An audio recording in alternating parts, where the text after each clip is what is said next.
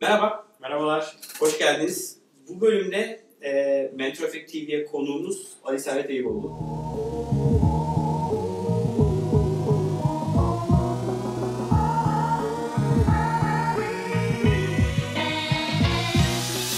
E, Ali ile biz herhalde mekanik zamanı Evet. tanışmıştık değil mi senle de? Aynen. E, epey zamandır tanışıyoruz. Sana seri girişimci demek doğru. Bugün konuşacağımız konular o yüzden önemli yani. E, sen istersen ne yaptın bugüne kadar? E, hangi işlere girdin? Hangi işlerden çıktın? Şimdi ne yapıyorsun? Kısaca biraz kendinden bahset. Sonra biz e, bugün konulara geçmeye başlayalım. Tamam süper. Ee, aynen biz 2008 yılıydı sanıyorum. Ee, ilk girişimim mekanist. Ee, o zaman üniversite öğrencisiydim ben. Ee, mekanist 8 sene sürdü. Acısıyla tatlısıyla. Ee, çok şey öğrendiğimiz bir girişim oldu aslında. Daha sonra Tatlı bitti. tatlı bitti. Evet. Gelişim için 8 yıl bayağı uzun bir süre. Ama sanıyorum e, bence olgunlaşması için bir işin minimum bence 8 bile değil böyle bir 10 yıl falan gerekiyor gibime geliyor. E, tabii her iş için böyle bir standart belirlemek çok belki doğru değil ama Ben de öyle bir metriğim var. Diyorum ki bir fikri ürüne çevirip sahaya inmek iki sene. evet, Sahaya indikten sonra para kazanılır bir iş haline gelmesi bir iki sene daha. bir sene daha. Yani bir dört sene zaten böyle bir ne oldu diyorsun. Ondan sonra da evet, büyük bir noktaya getirmek herhalde. Çok doğru bence de. E, Mekanist'ten sonra işte bir, yıl Zomantı'da ülke müdürlüğü yaptım. Sonra da tekrardan işte o e, rahat duramama virüsü sizi şey. Bu bizim şeyimiz olmuş artık bence. Yaşam evet ya. Aynen. e, şeklimiz olmuş maalesef. Bazen sorguluyorum da aslında açıkçası gerçekten. Çünkü yoruluyorum arada. Acı çekmekten keyif almak. Evet yani uğraşmak yani problemlerle. Bağımlılık haline geliyor artık bırakamıyorsun. Yani sürekli böyle bir şey var. Devam edeyim, devam edeyim. Kesinlikle. Sürekli bir problem arıyorsun. Ondan sonra yani ne çözsek falan diye. E, İngiliz Ninjas doğdu. E, 2015 yılıydı. E, ve hani baktığınızda o da gerçek bir problemden yola çıkılmış ve geliştirilmiş bir üründü. E, aslında hani çok fazla aşaması vardır ya. Bugün de belki bir tanesinin üzerinde Evet, çok yoğun duracağız. E, öyle devam ediyoruz. İşte yeni bir yatırım aldık geçen ay. E, duyurduk onu da. Tebrikler. Evet, çok sağ ol, teşekkürler. Büyüyerek ilerliyoruz. Ee, yeni başladık yani. İşimiz yeni başlıyor gerçekten. O zaman ilk soruyu sen sor. Okey. Ee, bugün konumuz e, ürün pazar uyumu bir gelişim e, gelişimin başarısındaki rolü nedir? Onu konuşuyoruz. Yani Zaten product market fit diye birçok insan e, daha iyi biliyor terimi. Hı. Ee, uyum pazar şey ürün pazar uyumu denilince senin aklına ne geliyor? Nedir senin için? Çünkü geçmiş tecrübeler onu çok aslında iyi ölçecek yani. Hem mekanist hem ilişkineceğiz. Evet, evet. Şu Yani, an yurt dışında deniyorsunuz. Deniyoruz, deniyoruz. deniyoruz. yani şöyle söyleyeyim, e, bence bayağı kritik bir aşama, evre. Yani he- her evre çok kritik. Girişimlerin doğuşundan sonuna kadar geçen her evre çok kritik. E, pazar uyumu şöyle bir şey aslında. E, ikinci aşama diyebiliriz pazar uyumuna. Yani ilk aşama e, bu problem ve çözüm uyumu evresi olarak adlandırılabilir. Gerçekten bir problem var mı? Var mı? Ve ben bunu çözer miyim? Çözer miyim? Evet. Orada minimum bir risk alıyorsunuz ve işte o MVP dediğimiz, minimum viable product dediğimiz versiyonu hayata geçiriyorsunuz. Belki o noktada hiç yatırımcılarla işiniz bile olmuyor. Ee, ve e, gerçekten o tespit ettiğiniz problem e, hayati bir problem mi? Ve sizin e, geliştirdiğiniz çözümde onu hakikaten çözüyor mu? Bunu bir test ediyorsunuz yani ilk aşama o. İkinci aşama işte bahsettiğiniz pazar uyumu aşaması. Pazar uyumu aşaması e, sonucu harika gelirse yani iyi gelirse bir zafer yani. Çok mutlu eden bir aşama aslında. Yani o şu demek artık sizin o çözümünüze insanlar para da veriyorlar. E, ve ona para verecek yeteri kadar insan var. E, o ürünün pazarı müsait e, o coğrafyada.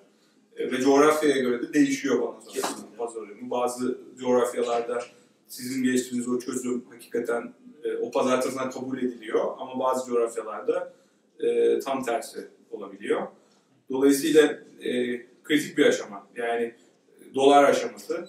Doğru. E, kazanabilir. Yani böyle ben şey diyorum, selektör yapıyor ileride. Görüyorsunuz bir şeyler, yani bir ışık var. E, ve e, ondan sonra zaten operasyonunuz da farklı bir şekle evrilmek zorunda kalıyor. Çünkü artık içeride olması gereken know-how ve disiplinler daha farklılaşmak zorunda o aşamadan sonra. Ee, bir sonraki aşama zaten o işte kanal uyumu dediğimiz Evet. aşama. Ee, oraya geçişte. Peki şey, aslında biraz önce biraz örnek verdin. Hangi aşamada pazar uyumu, e, yani ürün pazar uyumu önemli? Yani fikir aşamasından ne zaman anladık? Ya Evet bu fikir bir problemi çözer. Evet. Ne zaman, e, ne olmalı ki? Evet, çalışan bir MVP'm var. Hı. Görüyor artık yani kullanılıyor, fena değil. Hı. Yani neyi gördüğünde evet abi ben artık product market fit problemine yüzleşmem lazım dediğin o eşik sence mesela geçmişten de biraz örnek verebilirsin. Yani.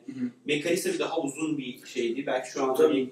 İngilizce daha da sıcak sıcak yaşıyorsun bunu. Evet yani e, Mekanist'te bir de aslında çok zor bir e, dö- dönemin projesiydi hakikaten. Yani o süreçlerin hepsi çok kanlı geçti. E, çok terli geçti.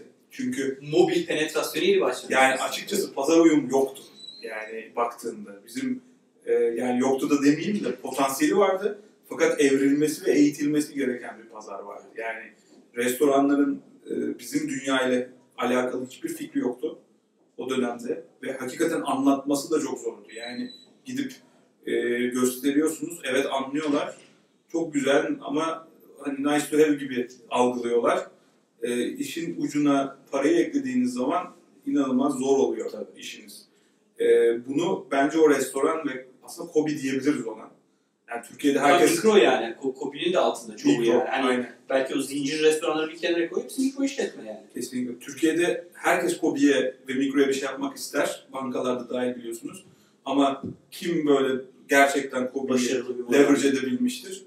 Çok bir örneği yok bana sorarsanız. Yani bu da bence Kobi'nin mantalite olarak pazar uyumunun noktasından uzak olduğunu gösteriyor.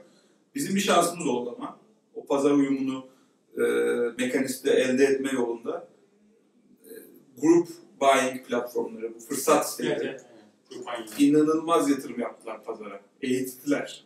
Yani Pazarı olgunlaştırdılar. olgunlaştırdılar. Aynen. Yani restoranlar bir anda tabii yemek sepeti zaten farklı bir örnek. O da belli bir noktaya çekmişti ama onun iş modeli çok e, direkt revenue olduğu için, gelir elde ettirdikleri için e, çok daha farklı bir perspektif. Sen biraz dolaylısın. Yani Dolaylısın. dolaylı gözüküyordun en azından. Aynen.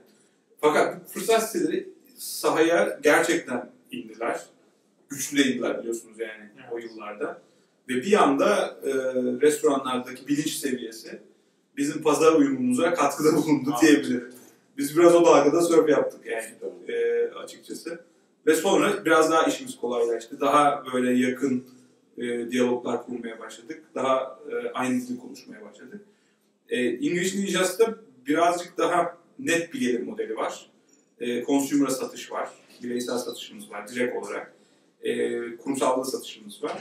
E, ve oradaki pazar uyumu tamamen e, MVP'den sonraki süreçte o ilk ürün, ondan sonra oradan aldığımız olumlu feedbackler, e, olumlu Ne kadar sürdü? Düşünceler ve geri bildirimler Yani ilk MVP çıkarıp ilk feedbackleri toplamak fikirden sonra sanıyorum bir 6 ayımızı falan aldı. E, yanlış hesaplamıyorsam. Aşağı yukarı 6 ayımızı aldı. Ama çok böyle hızlı bir versiyon çalıştık ve e, bir grup İngilizce öğrenen hali hazırda e, bir kitleye açtık bunu, bir sınıfa açtık yani. E, direkt olarak aslında o ihtiyacı olan insanlar zaten İngilizce öğrenmek için e, bir kurma para harcıyor, emek harcıyor, zaman harcıyor. ve halihazırda yapıyor bunu. E, ona bu kanalı farklı bir tamamlayıcı servis olarak e, sağladık. Çünkü İngilizce e, İngilizce öğretmekten ziyade konuşturduğu için tamamlayıcı da bir servis. Dolayısıyla biz orada şeyi test ettik. Yani bu arkadaşlar İngilizce öğreniyorlar şu anda. Bizim servisimiz bunların konuşma problemini hakikaten çözüyor mu çözmüyor mu? Bunun cevabını aldıktan sonra biz e, artık para da verir misiniz buna noktasına geldik. E, ki o noktada dediğim gibi çok e, artık güveniyorsunuz kendinize, ürününüze, çözdüğüne inanıyorsunuz. Geri bildirimler de alıyorsunuz bu süreçte ve ürünü de Yönetmeye başlıyorsun. Aynen Yönetmeye öyle. başlıyorsun. düzeltiyorsunuz birçok noktada. Aslında yani aşama olarak tamamen e, ki kendinize güvendiğiniz noktada geri bildirimlere göre tamam bu olmuş, bu problemi çözüyor dediğiniz noktada artık e, pazar uyumu sorusuna cevap arayabilirsiniz. Ee, sen MVP zamanında yatırım almış mıydın? Yoksa Aa, yok, hayır. MVP'den hemen sonra biz bir yatırım aldık. baktık tamam bu iş oluyor. Rakamları biraz görmeye başladınız. Geri dönüşleri görmeye başladınız. Evet. Hadi artık büyütelim dediğin noktada da yatırım aldın. Evet. Tam büyütelim değil aslında. Biz hala şu an büyüme e, evresine gelmedik. E, bizim ilk aldığımız yatırım e, MVP'den sonraki işte pazar uyumu aşamasının ortalarında diyebiliriz. Yani o zamana kadar e, kendi kaynaklarımızla bir noktaya geldik. Daha sonra ilk bir melek yatırımcı grubuyla e, bir yatırım roundu yaptık. Sonra da işte en son TRP Venture Partners girdi zaten. E, bununla beraber de bir büyüme evresine doğru ilerliyoruz diyebilirim yani. Yatırımcıların aradığı şeylerin bir tanesi. Yani burada bir market fit var mı? Bu ürün Ya da bir, potansiyeli bir, var. e, e, aynen öyle. Bir, bir pazar potansiyeli var mı? Yani biraz görmek istiyor rakamlarla. Kesinlikle istiyor bence. de. Yani onun bir ucundan bir şey göstermek gerekiyor. Her yatırımcı değil bence. Yani burada yatırımcı kategorileri de var ya. Aynen. Yani bazı yatırımcılar çok erken aşama Arkadaşım founder gibi davranabiliyor. Ee, yani burada bence takım da çok önemli. Yani bugün biz de mesela sen de hepimiz e, belli fikirler geldiğinde o takım hakikaten e, bunun altından kalkabilecek ve başarabilecek bir ekipse e, iyi kötü fikri de tartabiliyorsunuz. Bir sonuç aramadan da erken aşama girdiğiniz şeyler oluyor. İş fikirleri olabiliyor. Kesinlikle. Ya fikir zamanında en önemli şey takım. Ben ona çok inanıyorum. Yani çok kötü olabilir fikir. Yani hiç tutmayacak bir şey olabilir. Evet. Ama iyi bir takımın varsa ben şey diyorum yani şimdi bizim ekibe de bazen diyorum işte bugün yazılım satıyoruz. Yarın abi bize bardak sat desinler. Satarız abi biz bardak. Yani bu ekiple her şeyi yaparsın Doğru. yani. Doğru.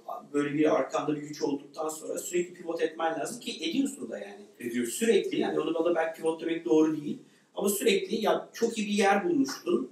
E, onu bir yere kadar gidiyor. Sonra o pazar değişiyor. ihtiyaçlar değişiyor. Bambaşka bir şekil halde devam ediyorsun yaşantına. E, o yüzden hani iyi ekip gibi ilk aşamada çok çok önemli. Yani. Evet. Yani hani çok klasik laf var ya zaten hani fikir önemli değil, ekip önemli değil. Tabii fikirin de belli bir önemi var ama e, bence her aşamaya odaklı yatırımcı profili var e, diye düşünüyorum. Yani Ben de aynı fikirdeyim. bazı yatırımcılar tamamen e, şey arıyorlar mesela yani Rakama bakmak istiyorum. pazar uyumunun artık sonunu görmek istiyorlar hakikaten. Bazıları kanal kanalın da keşfedilmiş olmasını bekliyorlar. her stage'e göre aslında uygun bir yatırım Var. Tabii. Orada risk ettiğiniz tutara göre Evet. değişiyor. Ee, soruların bir tanesi ürün pazar uyumu nasıl bulabiliriz? Burada hani e, kullandığın yöntemler KPI var mı? olarak belki. Efendim? Neye, KPI olarak neye bakıyorsun? Ya da Yöntemler var mı? Yeni bir Sezi, feature çıkartacaksın. seziler dışında nelere nelere ölçüyorsun, nelere bakıyorsun ki ya evet ya bu, bu ürün gerçekten bu pazar uyumunu yakaladım diyebildiğin yer neresi? Ee, ya bence bu pazar uyumu evresinde gerçek dataya ihtiyaç var.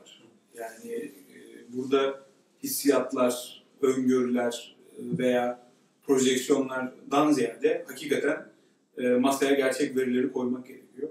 Bu gerçek veri bazen para oluyor. Yani gelir Evet. bekliyorsunuz. E, ve bu gelir çok olmak zorunda değil. Yani belli adetlerde e, ve ne kadar çevirdiğinizle alakalı. Yani o conversion rate dediğimiz e, oranın da çok büyük önemi var. E, kurumsal satıyorsanız işte 10 kuruma gittiniz, bunun 3'üne sattınız, 4'üne sattınız gibi bir metrik de bana göre bu aşamada net bir veridir. E, bireysel satıyorsanız aynı oranda kaç kişiye sattınız, ne kadar para aldığınız da bir aynı şekilde orandır. Ama gün sonunda bence net veriye ihtiyaç var. E, bu bazen para olmayabilir, gelir olmayabilir. Ama işte kullanıcı Kullanım sayısındaki büyüme dediğin gibi conversion rate Aynen. bakılabilecek çok şey var. Senin işinde evet. Senin işinde o birazcık aslında o, o taraf ben daha şey görüyorum, şanslı görüyorum çünkü dijitali çok kullanıyor musunuz? Ne, nasıl şey yapıyorsunuz şu an? kullanıyoruz. Yani bireysel tarafta kullanıyoruz. Ee, Kurumsal tarafta biraz daha offline gidiyor oradaki operasyon. Kurumsal satış. Bir satışı var, Çok gidiyor, önemli. belki randevu oluyor, belki inside sales Aynen. arıyor, telefon ediyor. İş ortaklıkları oluyor arada işte beraber birlikte satabildiğimiz yapılar olabiliyor. Ama bireysel tarafta dijitali çok e, etkili kullanıyoruz, kullanmaya çalışıyoruz. ve oradan ben 1 lira harcadım. 10 kişi uygulamayı indirdi. 10 kişiden kaçı kayıt oldu? gibi Kaç şey. tanesi bunların e, para ödemeye başladı? Kaç tanesi devam ediyor? Aynen. E, bunların hepsi aslında evet yani her birindeki, her eşikteki e, büyüme ya da küçülme sana şey gösteriyor. Burada bir problem var. Ya günün sonunda şeyi keşfetmeye çalışıyorsun. Ee, matematik formülünü ortaya koymaya çalışıyorsun aslında. Yaptığın her şey bu evrelerde o. Çünkü bundan sonraki evrede doğru kanalı bulman bekleniyor. Ve daha sonra e, büyümeye gelirken sizin öyle bir formülü yazmanız gerekiyor ki tahtaya. Buradan e, koyacağınız, yatıracağınız reklam veya tanıtım e, parasını bu taraftan ne şekilde bir gelir olarak çıkaracağınız ve o gelirin ne kadarının kar olacağı aslında. O da operasyonun sağlıklı olup olmadığını size gösteriyor. Ee, günün sonunda bizim modelde yani English Ninjas'ta e, bu evredeki en büyük somut veri e, hem kullanım yani insanların eğitmenlerle yaptıkları görüşmeler ve onların sıklığı hem de e, yaptığımız satışlar oldu. Yani ilk yapılan satışlar oldu. Burada tabii e, ekip olarak ilk strateji şu oluyor. Sizin e, iyi bir segmentasyon yapmanız gerekiyor. Yani bunun alıcısı kim? E, o kişiye ben nereden ulaşırım en kolay? Şu anda en azından bu evre için. E, bir de bence kullanıcı geri bildirimleri inanılmaz önemli. Yani e, sırf bence o bile yatırımcı için de çok Siz bunu nasıl topluyorsunuz? Yani direkt e, site üzerinden geri bildirim yoksa eğitmenlerin Doğru. üzerinde mi? Eğitmenlere yapılan geri bildirimler mi? her ikisi de. Yani bizde her görüşme sonunda zaten eğitmeni Yani oyluyorsunuz, değerlendiriyorsunuz. Ama platform üzerinden de sürekli otomatik olarak anketler, sorular, işte bu e, Ömer abinin de hep söylediği bu MPS dediğimiz skor şeyi Biz var. geçen bölümde okuduk öğrendik. Ben ilk, ilk hafta onun ahkamını kesmeye başladım yani. Evet evet. Yani o da mesela çok aslında bu arada MPS'i herkes kendi içinde aslında bir şekilde e, yapıyor. Fakat yaptığını o fark sistemde. Görünebilir kılmıyorsun belki. Belki Evet. izlenebilir kılmıyorsun. Aynen. Dolayısıyla e, bence bu evrede, pazar uyum evresinde e, kullanıcı geri bildirimi de inanılmaz önemli. olmazsa olmazlardan bir tanesi. Yani o yüzden bu müşteri başarısı e, diye adlandırdığımız bu customer success operasyonları e, bence startupların e, çok önemli bir fonksiyonu haline geldi. Yani hep kulak verip çünkü bu evrelerde çok fazla hatanız, çok fazla sıkıntınız, mağduriyetler falan doğabiliyor. O noktada onları sürekli e, telafi Şey edecek, gerekiyor. telafi edecek, cover edecek bir sistemin olması gerekiyor. Yani bu bazen support ekibiyle yapabiliyorsunuz bunu. Ama bir şekilde yapmanız gerekiyor. Kesinlikle. Peki bir de bu hep Blue Ocean, Red Ocean hikayemiz var yani. Bir yerde artık pazar bitiyor, yeni bir pazara gitmemiz lazım. Ya product market fit bir yerde bulamadığını düşünüyorsun. Yani işte rakamlar iyi gitmiyor. O gördüğün tabloda bir sorun var yani. Şimdi ben buradan 10 dolar yatırdığımda burada 0-10 sent kazanıyorum. Şimdi müşteri geliyor ama bir yerden sonra gidiyor ve büyümüyor. Ee, orayla ilgili ne, ne önerirsin? Yani ben sende çok onun geçmişte yaşamadığını görüyorum. Çünkü şimdi mekanizm çok güzeldi. İşte bu iş çok iyi gidiyor. Ama yani bir yerde iş olmadı dediğinde ne zaman çıkmak bu olmadı bir sonrakine geçeyim demek ya da ne zaman ne kadar denedikten sonra bırakmak sence önemli? Çünkü bu şey çok göreceli bir şey. Çok Soru cevabı. Hı. Ee, ama mesela bizde de mesela Yollar TV izleyenlerde de çok görüyorum. bunu. Abi 10 defa şunu yaptım olmadı. Tam o zaman bırak demek geliyor insan içinden ama belki de 11. de tutacak o iş. Ee, o yüzden hani e, senin de oradan ilk görüşlerini dinlemek isterim. Ya orada şöyle bir şey var bence. Hani e, hızlı başarısızlıklar çok iyidir ya. E, mümkün olduğunca e, hızlı olmak lazım. Bir şeyleri denerken, test ederken. O yüzden e, olmuyorsa da hızlı görmek lazım olmadığını e, bana sorarsan. E, ama bırakma noktası birazcık aslında e, ne yapıldığıyla çok alakalı. Yani aynı şeyi eğer sürekli farklı yöntemlerle e, deniyorsanız belli bir deneme sayısından sonra onun o aynı şeyin olmayacağı biraz açıktır gitme geliyor. Yani orada biraz da neyi nasıl yaptığınız ve ne şekilde e, başarısız olduğunuzu tespit etmek de kritik. Hep aynı şeyi aynı şekilde yaparak farklı sonuç elde etmek mümkün değil. Değil yani bence değil. Ee, şimdi mesela birçok iş modelinde sonuçta zorluk yaşıyorsunuz. Bizim de yaşadığımız birçok şey oldu. hala oluyor bu arada. Yani Bitmiyor. Bit- Bitmesi beklenemez aslında. imkansız. Her gün öğreniyoruz çünkü. Her gün bir şey öğreniyoruz. Yani birbirimizden öğreniyoruz. e, kullanıcılardan öğreniyoruz. Burada en kritik şey e, iyi röntgen çekmek aslında. Yani e, nerede problem var ve o problemin kaynağı nedir? Böyle bayağı bir derinlemesine onu kazmak, eşelemek lazım. Benim mesela çok olmuştur yani kullanıcılarla böyle gidip bulup oturup bir saat kahve içip böyle e, anlamaya çalıştığım. Yani hakikaten çünkü oradan çok bir şey çıkıyor ve dehşete kapılıyorsunuz. Diyorsunuz ya biz bunu nasıl hakikaten böyle yapmışız Görmemişiz. görmemişiz. Görmemişiz. Ve yaptığınız küçücük bir şey aslında e, bir anda bir bakıyorsunuz ki bambaşka bir e, hale getiriyor operasyonunuzu iyi anlamda. E, O yüzden e, genelde işin içinde çok yoğun bulunduğumuz için gözler biraz bir süre sonra şey böyle körleşiyor artık. Yani beynimiz de artık farklı düşünemiyor. O yüzden çok fazla danışmak lazım bence. Çok fazla insanla konuşmak lazım. E, çok fazla insana soru sormak, kullandırmak, fikirlerini almak lazım. E, Founders hani e, kurucu, e, işin başındaki kişi hiçbir zaman aslında şeyden kopmaması gerekiyor. Direkt kullanıcılardan, kullanıcıların feedbacklerinden yani birebir her gün olmasa bile her hafta hakikaten onları okumak, o insanların geçme geçmesi gerekiyor ki hani o fit'i hala tutturabiliyor muyuz yoksa e, yanlış bir yol, yola mı girdik ki e, önceden görebilsinler ve ona göre ve ona göre de aksiyon alabilsinler. O kullanıcı girişimi yani son bölümlerde de gördüm hani çok çok önemli. Hakikaten çok önemli. Ya keşke bulsalar eksiklerimizi yani. Evet. Muhteşem bir şey yani. yani e, biliyorsunuz bunun için aslında para ödüyorsunuz yani. Tabii, tabii. Şirket de Aynen öyle. siz yani gelip insanları tutuyorsunuz. İnsanlar sizin e, yani platformunuzu Yorumluyor test ediyor, yorumluyor, rapor yazıyor falan filan. Dolayısıyla e, oradaki yine bu da bence o customer success e, operasyonun bir parçası, önemli bir parçası. O yüzden e, yani iyi tespit edip eğer hakikaten olmuyorsa bir noktadan sonra karar verip ya değiştirmek lazım yapılan şeyi ya modeli değiştirmek lazım ya sistemi değiştirmek lazım bir şekilde E, ya da tamamıyla bu arada her aşamada biliyorsunuz yani Gol girişimlerin her aşamada ya da dur. aşamasında bir sıkıntı var yani. En, hatta yani sonuna kadar geliyorsun. e, growth modda scale edemediğin için de sıkıntı yaşayabiliyorsun. Yani bu tarz hikayeler de dolu.